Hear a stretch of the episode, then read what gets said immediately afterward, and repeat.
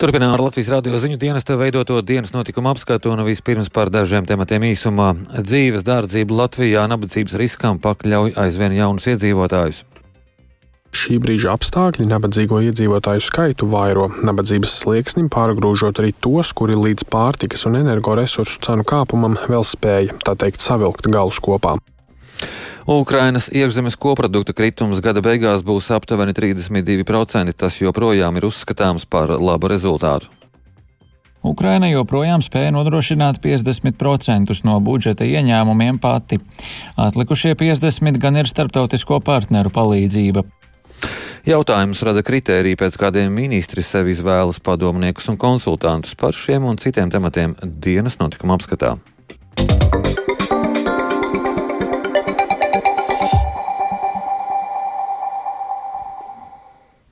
Pagājušajā gadā par 0,9% punktiem mazinājies nabadzības riskam pakļauto iedzīvotāju skaits. Lai arī pērna tendence bijusi pozitīva, taču šogad strauji kāpušas pārtikas un energoresursu cenas, tādēļ iespējams dati par šo gadu būs krietni drūmāki. Lai palīdzētu trūcīgākajiem, satversmes tiesa jau likusi un arī labklājības ministrija solījusi pārskatīt minimālā ienākuma lielumus. Taču priekšā vēl budžeta sarunas tādēļ nav skaidrības, kad nabadzīgākie iedzīvotāji var gaidīt atbalsta pieaugumu. Tēmatu turpina Kristaps Feldmanis. 2021. gadā nabadzības riskam bija pakļauti 418 tūkstoši Latvijas iedzīvotāju, tie ir 22,5%. Tā liecina otrdien publicētie centrālās statistikas pārvaldes dati par nabadzības riskam pakļauto skaitu 2021. gadā. Salīdzinot ar 2020. gadu, rādītājs pērn uzlabojies par 0,9% punktiem. Nabadzību mazināt palīdzējis ienākumu kāpums, stāsta centrālās statistikas pārvaldes sociālās statistikas datu apkopošanas un analīzes analīzes daļas eksperts Viktors Veretjanovs. Mēs redzam diezgan būtisku ienākumu pieaugumu, pirmām kārtām ienākumu pieaugumu sociālajiem pabalstiem un pensijām. Un šajā grupā ietilpst arī speciāli atbalsta pasākumi, kurus valsts īstenoja. Un tas noteikti palīdzēja maisaimniecībām, kuras bija uz nabadzības riska robežas. 2021. gadā nabadzības riska slieksnis sasniedza 513 eiro mēnesī vienas personas maisaimniecībai un 1077 eiro maisaimniecībām ar diviem pieaugušajiem un diviem bērniem līdz 14 gadu vecumam. Vislielākais nabadzības riskam pakļauto iedzīvotāju īpatsvars bija Vidzemē un Latgalē, bet vismazākais Rīgā un Pierīgā. Visstraujāk nabadzības risks mazinājies maisaimniecībās ar vienu pieaugušo un bērniem, bet visstraujāk audzis 18 līdz 24 gadus vecu iedzīvotāju grupā. Taču rādītāji par 2022. gadu, kuri gan tiks publicēti vien nākamgad, visticamāk rādīs jau krietni drūmāku ainu. Pārtikas cenu pieaugums un kāpjošie izdevumi par siltumenerģiju aktualizē nabadzības problēmu valstī, un to pamanīs arī Tiesības sarga birojas, stāsta birojas sociālo, ekonomisko un kultūras tiesību nodaļas vadītāja Ineta Rezevska. Protams, iedzīvotāji par to raksta, un mēs no savas puses skatāmies līdzi, kādi tad ir šie minimālā ienākuma lielumi, kas, protams, pēc uh, satversmes tiesas nolēmumiem tika ievērojami palielināti. Tomēr aizvien tie ir no nu, mūsu ieskatā nepietiekami un cilvēkiem ar viszemākajiem ienākumiem. Šie līdzekļi rīcībā ir ļoti, ļoti maz, un attiecīgi viņu izdzīvošanas iespējas ir patiešām jāprīnās, kā viņi var izdzīvot no šīm summām. Ineta Rezevska skaidro, šobrīd dati rāda, ka pārtikai pieaugušam cilvēkam nepieciešami apmēram 188 eiro mēnesī, taču ir minimālā ienākuma lielumi, kuri nesasniedz pat šo slieksni. Labklājības ministra Evika Siliņa no jaunās vienotības šorīt Latvijas radio raidījumā Labrīt atzina, nabadzības, sociālās atstumtības un ienākumu nevienlīdzības risināšanā ir daudz darāmo darbu. Siliņa skaidroja, viens no galvenajiem darbiem ir satversmes tiesas noteikto ienākumu sliekšņu pārskatīšana. To celšana arī būšot viens no ministres uzdevumiem, skatot nākamā gada budžeta iespējas minimāla ienākuma slieksnim ir nepieciešama pietiekoši liela naudas summa. Es esmu jau iesākusi sarunas ar kolēģiem par to. Šie minimāli ienākuma sliekšņi ir absolūtais minimums, kas šobrīd labklājības jomā patiešām ir jāizdara. Tāpat arī sociālo pakalpojumu minimumu izmaiņas saistībā ar minimālās algas celšanu. Tur ir uh, nemazāk par 20 miljoniem. Savukārt Tiesības sarga biroja sociālo, ekonomisko un kultūras tiesību nodaļas vadītāja Ineta Rezevska skaidro, ļoti tiek gaidīta minimālo ienākumu lielumu pārskatīšana, taču budžeta pieņemšana ir aizkavējusies tādēļ, kā cerēts, no janvāra šī palielināšana nenotiks. Kristaps Feldmanis, Latvijas radio. Turpinājumā par pieaugušo dārdzību citā jomā. Turpina pieaugt arī maksājumi par hipotekāriem kredītiem. Finanšu nozares asociācijas kreditēšanas komitejas līdzpriekšdētājs Kārlis Danēvičs Latvijas radio prognozēja, ka procentu likmes turpinās augt, taču viņš nesagaida, ka tās ilgstoši būs tik augstas. Viņš sarunā ar kolēģi Jānu Ramānu arī atgādina, ka kredīta maksājums vispirms jau atkarīgs no tā, kādu likmi aizņēmējs izvēlējies tiem, kam ir gada likme, tad faktiski kaut kādā mērā tā gada likme jau viņi ir pasargājusi no tādas straujas un negaidītas likmes palielināšanās.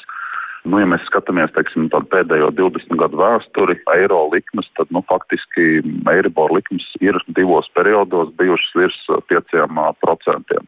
Tātad šobrīd tā dārgākā Eiribor likme, tā ir 12 mēneša Eiribor likme, tad 3,2%. Nu, tie vēsturiskie precedenti saka, ka kad uh, nav izslēdzams arī, ka likmes ir lielākas kā 5% kaut kādā brīdī. Finanšu tirgi gan jāpiebilst šobrīd nesagaida tādu ļoti strauju tālāku procentu likmi pieaugumu. Pozitīvais vai mīkstinošais faktors, kas ir jāmin, ir, ka uh, bankām faktiski kopš iepriekšējās krīzes ir ļoti stingri nosacījumi, uz kādiem uh, drīkst vispār aizdot. Izsniedzot aizdevumu, ir jārēķina vai aizņēmējs spējas maksāt kredītu, pie kam ar rezervi, pie nosacījuma, ka procentu likmes būs vismaz 6%. Mēs Finanšu nozares asociācijā rēķinām, ka uh, tas problēma apgabals nu, sliktākā gadījumā varētu būt iedzīvotāji, kas ir kredītus ņēmuši teikt pa maksimumu un ņēmuši viņus uh, pēdējo divu gadu laikā. Jo pēdējo divu gadu laikā, nu, protams, ka tā inflācija ir šobrīd tik strauja, kad, uh, algu, algu pieaugums uh, pēdējo divu, varbūt pat kādam pēdējo trīs gadu laikā nav kompensējis inflācijas izraisītās. Kredītmaksājums nav vienīgais, kurš strauji pieaug. Ko var darīt, ja nespēja samaksāt? Teiksim tā, skatoties uz Latvijas ekonomiku, mēs uh, redzam, uh, ka iedzīvotāji vidēji ir aizņēmušies maz. Starp attīstītajām valstīm Latvijas aizņēmumu īpatsvars ir uh, viens no mazākajiem, kaut kādos segmentos mājokļu kredītos pats viszemākais starp attīstītajām valstīm. Tad nu, tās problēmas mēs nesagaidām, kad ir sistēmisks. Nu, vissliktākā gadījumā, tiešām, tiešām vissliktākā gadījumā, nu, katram varbūt desmitajam aizņēmējam var nākties, vērsties pie bankas un lūgt atlikt maksājumus. Tad, tad kādu brīdi maksāt tikai procentus, nevis pamatsummu. Svarīgi to ir darīt laicīgi, nenonākt līdz tam, lai kredīt maksājums tiek kavēts. Jā, un prognozes liecina, ka Eiropas centrālā banka turpinās kāpināt aizdevumu procentu likmes. Jāreikinās, ka pieaugums turpināsies. Nu, es domāju, ka šobrīd uh, tas pieaugums var turpināties. Tas ir tas, ko sagaida arī finanšu tirgi. Es vēlreiz uzsvēršu, ka teiksim, nu, finanšu tirgi nesagaida, ka mēs uh, atgriezīsimies pie tā, ka procentu likmes ir 5% un vairāk, lai gan divus periodus pēdējo 20 gadu laikā tādas tās likmes ir bijušas. Un, nu, jā, nu, svarīgi arī piebilst, ka jo ātrāk tā inflācija tiks apkarota, jo ātrāk mēs redzēsim gaismu tuneļa galā un, un jo ātrāk tās likmes atkal sāks samazināties ilgstoši procentu likmes augstas ir bijušas pēdējo reizi tikai 70. un 80. gados, bet tādā nu, modernā ekonomiskā vēsturē pēdējo 20 gadu laikā nu, mēs tiešām ticam, ka centrālās bankas ir iemācījušās inflāciju ātri, likt malā ātri apkarot, un pēc tam tās procentu likmes atkal varēs samazināt. Tā Finanšu nozares asociācijas kreditēšanas komitejas līdzpriekšdētājs Kārlis Denevičs sarunā ar Jāni Ramānu. Pensiju pārvaldnieks Indekso ir iesniedzis pieteikumu Finanšu un Kapitāla tirgus komisijā, lai saņemtu bankas darbības atļauju. Iecerēts, ka pēc licences saņemšanas Indekso banka sāktu darbu vispirms ieviešot privātu personu pakalpojumus, kam vēlāk sekot arī uzņēmumu apkalpošana.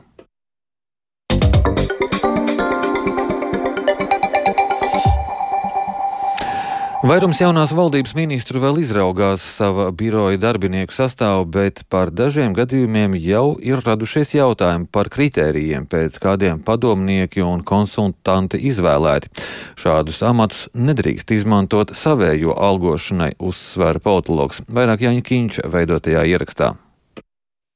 Ierasti līdzās ministram strādā ministra biroja vadītājs, juridiskais padomnieks, padomnieks sabiedrisko attiecību jautājumos, savukārt citu darbinieku skaits var atšķirties.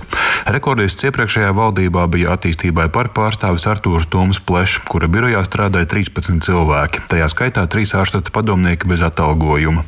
Šobrīd, kamēr vairāk jaunās valdības ministru komandas vēl top, būtiski ir, lai šis process nenotiek pusslepus, uzsver finanšu ministrs partijas vienotība vadītājs Arvils Ašerādens. Ministra biroja ir daļa no ministrija politiskās pārvaldes. Šeit ir nepieciešama ļoti plaša caurspīdība, un šobrīd biroja vēl veidojās, bet pilnīgi skaidrs, ka ir tikko tiek pieņemti padomnieki vai parlamentārie sekretāri. Par to sabiedrība ir jāinformē pietiekami plaši, tā kā tur nav šaubu. Neilgi pēc jaunās valdības izveidošanas plašāku uzmanību izpelnījās satiksmes ministra Jāņa Vitsenberga no Nacionālās apvienības biroja izveide. Tajā par juridisko padomnieku pieņemts Vitsenberga partijas biedrs 14. saimā neievēlētais bijušais saimas deputāts Jānis Iesaunieks, kurš pats par to pavēstīja saziņas vietnē Twitter. Savukārt par ministra palīdz komunikācijas jautājumos izraudzīta Megija Florentīna, skolniece un Nacionālās apvienības jaunatnes organizācijas aktīviste. Par biroja sastāvu nebija publiska vēstījuma, taču viņas izraudzīšanos Kārlis Vitsenbergs pēc valdības pirmās darba sēdes pamatoja ar ideju par iespēju ieinteresētiem jauniešiem iesaistīties politikā. Es arī iepriekš strādājot, esmu devis eh, iespēju jauniešiem sevi pierādīt, un arī tā sadarbība bijusi veiksmīga. Un, eh, skatoties konkrēti par eh, Megiju Florentīnu, konkrēti viņas pienākums būs organizēt šīs reģionālās vizītes, arī komunicēt ar presi, un viņa ir pieņemta kā palīdz uz puses slodzi. Lai aizvien bieži varam saskarties tieši ar teiktu, tādu postpadomu mantojumu, kur tiek diskriminēti darba tirgu jaunieši. Un, Es domāju, ka šādu vakanci uz puslodzi palīdzēja. Ir lieliski iespēja sevi apliecināt, sev pierādīt. Nepamanīti nav arī palikuši fakti, ka par Jāņa Vitsenberga biroja vadītāju kļuvusi Naura Puntoļa bijusī biroja vadītāja Marika Zēmula. Savukārt viņas vietā par kultūras ministra biroja vadītāju apstiprināta Aija Iesalniece, kur iepriekš savukārt vadījusi zemkopības ministra biroju. Kādās jomās specializējušos partijas biedru piesaist konsultantu un padomnieku amatos ir izprotama arī politiskās vidas atjaunošanās un uzlabošanās vārdā. Savukārt ģimenes locekļu vai radinieku piesaistīšana politikā ir kritiski vērtējama, uzskata politologs, sabiedrisko tiecību aģentūras mediju tilts vadītājs Filips Raģevskis. Nu, kā tad viņi iemācās tie jaunie iesācēji politiķi? Nu, ja viņš ir, piemēram, tā kā cera, ka viņš kaut kādas jomas speciālists, labākajā gadījumā, ja viņš pats ir jau, jau kaut kāda kompetence, viņš kļūst attiecīgās jomas padomnieks vai nu ministrijā, vai nu frakcijā partijas, vai nu kādam deputātam, kurš strādā noteiktā komisijā, lai viņš varētu iet nākošo soli, tur varbūt kandidēt nākošajās vēlēšanās, vai arī, ja viņš ir deputāts, tad var skatīties jau tālāk par komisijas vadītāju amatu. Savukārt nepieredzējuši jauniešu piesaista ministra birojā ir vairāk nekā diskutabla, piebilst Rajevskis. Satiksmes ministram nav jānodarbojās ar jauniešu politiku. Ja šāds cilvēks būtu, piemēram, frakcijā konsultants, jeb kādam redzamam politiķim Nacionālās apvienības palīgs. Nu, tomēr tie amats ir nedrīkst tikt izmantot kā vienkārši kase priekš savu partijas eh, biedru papildu motivēšanu. Jāatgādina, ka Saima decembra sākumā pieņēma likuma grozījumus, kas paredz arī ministra biedru amatu izveidu konkrētu pienākumu veikšanai. Koalīcijas partneri vienojušies, ka nebūs vairāk par trīs šādām amata vietām. Pašlaik vēl nav konkrētu lēmumu par ministru biedru posteņu ieviešanu valdībā. Jānis Kincis, Latvijas Radio.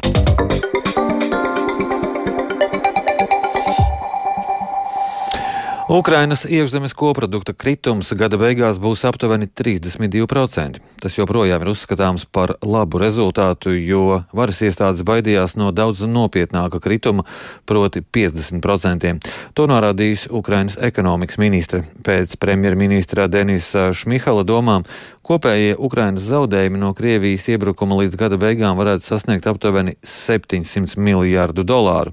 Viņš norādīja, ka cieš visas ekonomikas nozares un šogad darbu zaudējuši aptuveni 5 miljonu ukrāņu. Turpina Rihards Plūme. Pēc Ukrainas ekonomikas ministres domām, Ukrainas bizness pilna mēroga karā apstākļos ir demonstrējis lielu pielāgošanās spēju. Viņa skaidroja, ka valdības uzdevums bija biznesu atbalstīt ar aizdevumiem, grantu programmām sava biznesa uzsākšanai, kā arī atbalstu bezdarbniekiem. Ministre piebilda, ka neskatoties uz kara ietekmi, uzņēmumu iznīcināšanu, daļas darbspējīgo ukrāņu aizbraukšanu uz ārzemēm, Ukraina joprojām spēja nodrošināt 50% no budžeta ieņēmumiem pati. Atlikušie 50% gan ir starptautisko partneru palīdzība. Sviridenko sacīja, ka nākamgad varas iestādes sagaida ekonomikas virzību uz izaugsmi 3,2% līmenī. Ukrainas turīgāko iedzīvotāju bagātība šī gada laikā ir samazinājusies par vairāk nekā 20 miljardiem dolāru. Par to liecina jaunākie izdevuma Forbes aprēķini. Jaunākajā bagātāko Ukraiņu reitingā redzams, ka vislielākos zaudējumus cietuši tieši visbagātākie valsts iedzīvotāji. Vairāk stāsta Uģis Lībietis. Bagātākais Ukraiņas iedzīvotājs 2022. gadā joprojām ir bijis ietekmīgais oligarks Rinats Ahmetovs, kura īpašuma vērtība pašlaik ir aptuveni 4,4 miljārdi dolāru. Taču vēl pirms kara sākuma februārī tie bija 13,7 miljārdi. Tāpēc kritums ir gandrīz 10 miljārdu liels. Otrajā un trešajā vietā ir ierindojušies pasaulē pazīstamās informāciju tehnoloģiju kompānijas Grammarly īpašnieki Maksims Lietvins un Oleksijs Ševčenko, kuri katrs arī zaudējuši nepilnus 2 miljārdus dolāru. Kopumā bagātāko Ukrāņu 20-niekā iekļuvuši galvenokārt metālurģijas, informācijas tehnoloģiju un finanšu nozaru pārstāvji. Ķīnai paziņojot par to, ka no 8. janvāra atceļ Covid-19 karantīnu ieceļotājiem, iedzīvotāji steigšus sākuši pirkt biļetes un plānot ceļojumus ārpus valsts. Daudzi neslēpj savu sajūsmu par spīti tam, ka pēc ievērojamas ierobežojuma mīkstināšanas Covid-19 Ķīnā strauji izplatās, prasot ar vien vairāk dzīvību. Tiesa, ne visi ir priecīgi par karantīnas prasības atcelšanu, proti bāžas paudusi Japāna, kas plāno testēt visus no Ķīnas Ķīnas iebraukušos un noteiktiem karantīnu pozitīvu testa gadījumā. Plašāk stāsta Rihards Plūme. Pēc stingrās Covid-0 politikas ierobežojumu atcelšanas Ķīnā decembra sākumā Covid-19 izplatība valstī strauji turpinās. Slimnīcas un krematorijas ir pilnas ar pacientiem un upuriem, liecina mediju neatkarīgie ziņojumi. Covid-19 izplatība rada lielu izaicinājumu veselības aprūpes sistēmai, pārpildot slimnīcas. Slimnīcas Pekinā palielina intensīvās terapijas kapacitāti, lai ārstētu smagi slimos pacientus. Pārliecinoši lielākā daļa no tiem - veci cilvēki. Turpina Žūjīna, galvenā medmāsa neatliekamās palīdzības nodaļā Pekinas Universitātes tautas slimnīcā. Mūsu ikdienas slodze ir patiešām smaga. Mēs apkalpojam vairāk nekā 530 ārkārtas pacientu dienā. Skābekļa līmenis pacientu asinīs ir ļoti zems, aptuveni 50 līdz 70 procentu. Šie smagie gadījumi mūs ļoti nospiež. Aptuveni 18% no Ķīnas iedzīvotāju kopskaita pirmajās trijās decembra nedēļās domājams inficējušies ar covid-19. Par to atsaucoties uz nopludinātiem statistikas datiem vēstīja laikraksts Financial Times un aģentūra Bloomberg. Dažos pētījumos tiek prognozēts, ka nākamo dažu mēnešu laikā no covid Ķīnā varētu mirt aptuveni viens miljons cilvēku. Savukārt Ķīna lēmusi vairs nepublicēt statistiku par valstī diennaktī atklāto covid-19 gadījumu skaitu, kā arī par to, cik cilvēku cilvēku diennaktī miruši. Šonadēļ Ķīnas Nacionālā veselības komisija paziņoja, ka no 8. janvāra atcels prasību, ka visiem valstī ieceļojošajiem jāuzturas karantīnā. Tāpat tiks arī atcelts aizliegums Ķīnas pilsoņiem ceļot uz ārzemēm. Pašlaik Ķīnas pilsoņi var atstāt valsti tikai īpašos gadījumos. Šīs ziņas daudzos raisījušas sajūsmu, jo pēc teju trim gadiem cilvēki atkal var doties ceļojumos. Šodien saskaņā ar valsts mediju ziņojumiem tiešsaistē strauji pieauga avio reisu meklēšana uz ārzemēm, un ceļojumu platforma Tončēn novēroja meklēšanas gadījumu skaita pieaugumu par 850% un desmitkārtīgu vīzu pieprasījumu skaita pieaugumu. Savukārt konkurējošā platforma Tripcom Group paziņoja, ka populāru ārzemju galamērķu mērķu meklējumu skaits pusstundas laikā pēc paziņojuma palielinājās desmit reizes, salīdzinot ar iepriekšējā gada attiecīgo periodu. Vietnes lietotāji īpaši vēlējušies ceļojumus uz Makau, Hongkongu, Japānu, Taizemi un Dienvidkoreju. Priecīga par lielu cilvēku izceļošanu no Ķīnas nebūtu nav Japāna. Tā šodien paziņoja, ka no piekdienas tiks ieviesti pagaidu robežu kontrolas pasākumi visiem, kas ieceļo no Ķīnas. Cilvēkiem, kas pēdējo septiņu dienu laikā būs bijuši tieši Ķīnā nāksies veikt Covid-19 testu. Ja tas būs pozitīvs, personai nāksies uzturēties karantīnā septiņas dienas. Japānas premjerministrs Fumio Kiside izteicies, ka pieaugošais inficēšanās gadījumu skaits Ķīnā rada arvien lielākas bažas arī Japānā. Pastāv liels atšķirības starp informāciju no centrālās un vietējās valdības, kā arī atšķirības informācijā no Pekinas un privātā sektora.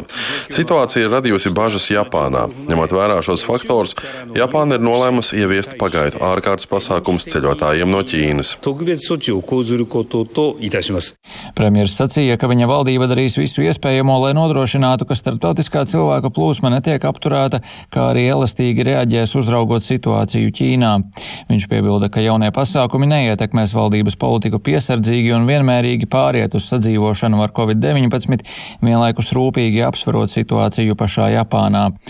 Ķīnas ārlietu ministrija šodien jau paspējusi brīdināt citas valstis, ka tām ir jāuztur zinātniski un atbilstoši slimību kontroles pasākumi, kas nedrīkst ietekmēt normālu personu apmaiņu. Rihards Plūme, Latvijas radio.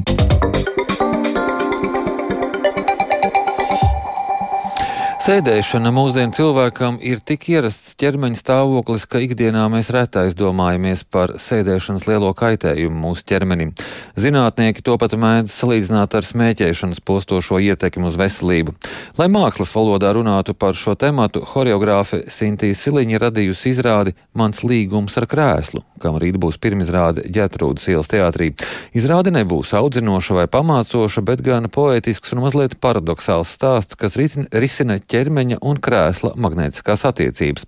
Plašāk Baibas Kušķis ierakstā. Jau ilgus gadus mēs esam sēdētāju sabiedrība, bet Covid laiks to veicināja vēl vairāk, kas arī rosināja horeogrāfis Sintiju Siliņu izveidot izrādi, kas mākslas valodā apspēlē sēdēšanas ietekmi uz cilvēka ķermeni. Izrādes galvenie varoņi arī būs ķermenis un krēsls un to abu magnētiskās attiecības. Žanriski horeogrāfi savu veikumu dēvē par ķermeniskās pieredzes izrādi. Es tiešām pamanīju sevi un līdzcilvēkos, ka mēs esam kļuvuši no homo sapiens uz homo sedens. Ķermenis ir paredzēts kustībai, mūsos ir ļoti daudz kauli, muskuļu locītavas, lai veiktu dažāda veida kustības, un tās visas tiek apslāpētas. Izrāda veidojas ciešā sadarbībā ar dramaturgu Evartu Melnalksni, kurš pie izrādes strādājot iedziļinājies virknē avotu. To vidū arī Arizonas Universitātes Majo klīnikas doktora Džeimsa Levina atziņās, kurš dramatiski apgalvo, ka mūsdienu cilvēks sevi nosēž līdz nāvei. Viņš to salīdzina ar smēķēšanu. Viņš saka, ka ja agrāk, kad smēķētāji bija vairāk, tas tāpat bija tikai daļa no sabiedrības, bet sēžam mēs visi, visi. Izrādes noskaņa nav fatāla, tā nav arī pamācoša vai audzinoša. Tomēr izrādes veidotāji būtu ļoti iepriecināti, ja tā spētu pievērst uzmanību mūsu ķermeņa unikalitātei un vajadzībām, un mēs no krēsla pieceltos daudz biežāk nekā esam ieraduši. Mēs esam mēģinājuši tiešām atkost pašu šo būtību būtību, ko nozīmē sēdēt, kas ir ķermenis, kas ir krēsls, kādas ir līdzības starp ķermeni un krēslu. Izrādē dejos un darbosies dejotāja Agnese Borģukova, bet ar saviem ķermeņiem par izrādes līdzdalībniekiem kļūs arī skatītāji, stāsta dejotāja. Ļaujušies, man liekas, tādam fantāzijas lidojumam un arī Nu, ir jauks tāds atgādinājums, ka vajag tiešām mazliet vairāk kustēties. Jo ar to sēdēšanu ir sarežģīti arī dejotājiem. Nu, visiem arī izrādē izskanēs tāda frāze, ka gribas apsēsties ļoti bieži. Jo, man liekas, pie katras pirmās izdevības, laikam, cilvēks es arī meklēšu, kur apsēsties, jā, ja tā iespēja būs. Scenogrāfija izrādē veidojas Rudolfs Bekičs, kostīmus Kitija Gaidāne, bet skaņu ainavu Maksims Šenteļevs.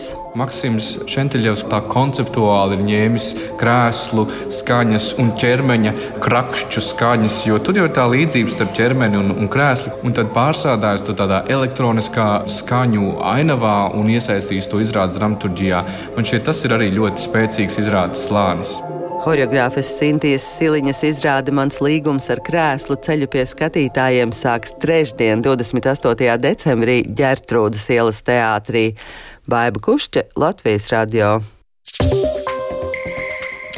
Dienas notikuma apskats izskan. Radījuma producents Viktors Pupiks, ieraksts montēja Jūls Grīnbergs, pieskaņa pulcīvēt zvejniece, bet studijā Lauris Zvejnieks vēl tikai par svarīgāko īsumā. Dzīves dārdzība Latvijā nabadzības riskam pakļauj aizvien jaunus iedzīvotājus. Ukrainas iekšzemes koprodukta kritums gada beigās būs aptuveni 32%. Tas joprojām ir uzskatāms par labu rezultātu. Jautājums rada kritēriju, pēc kādiem ministri sev izvēlas padomniekus un konsultantus. Yeah.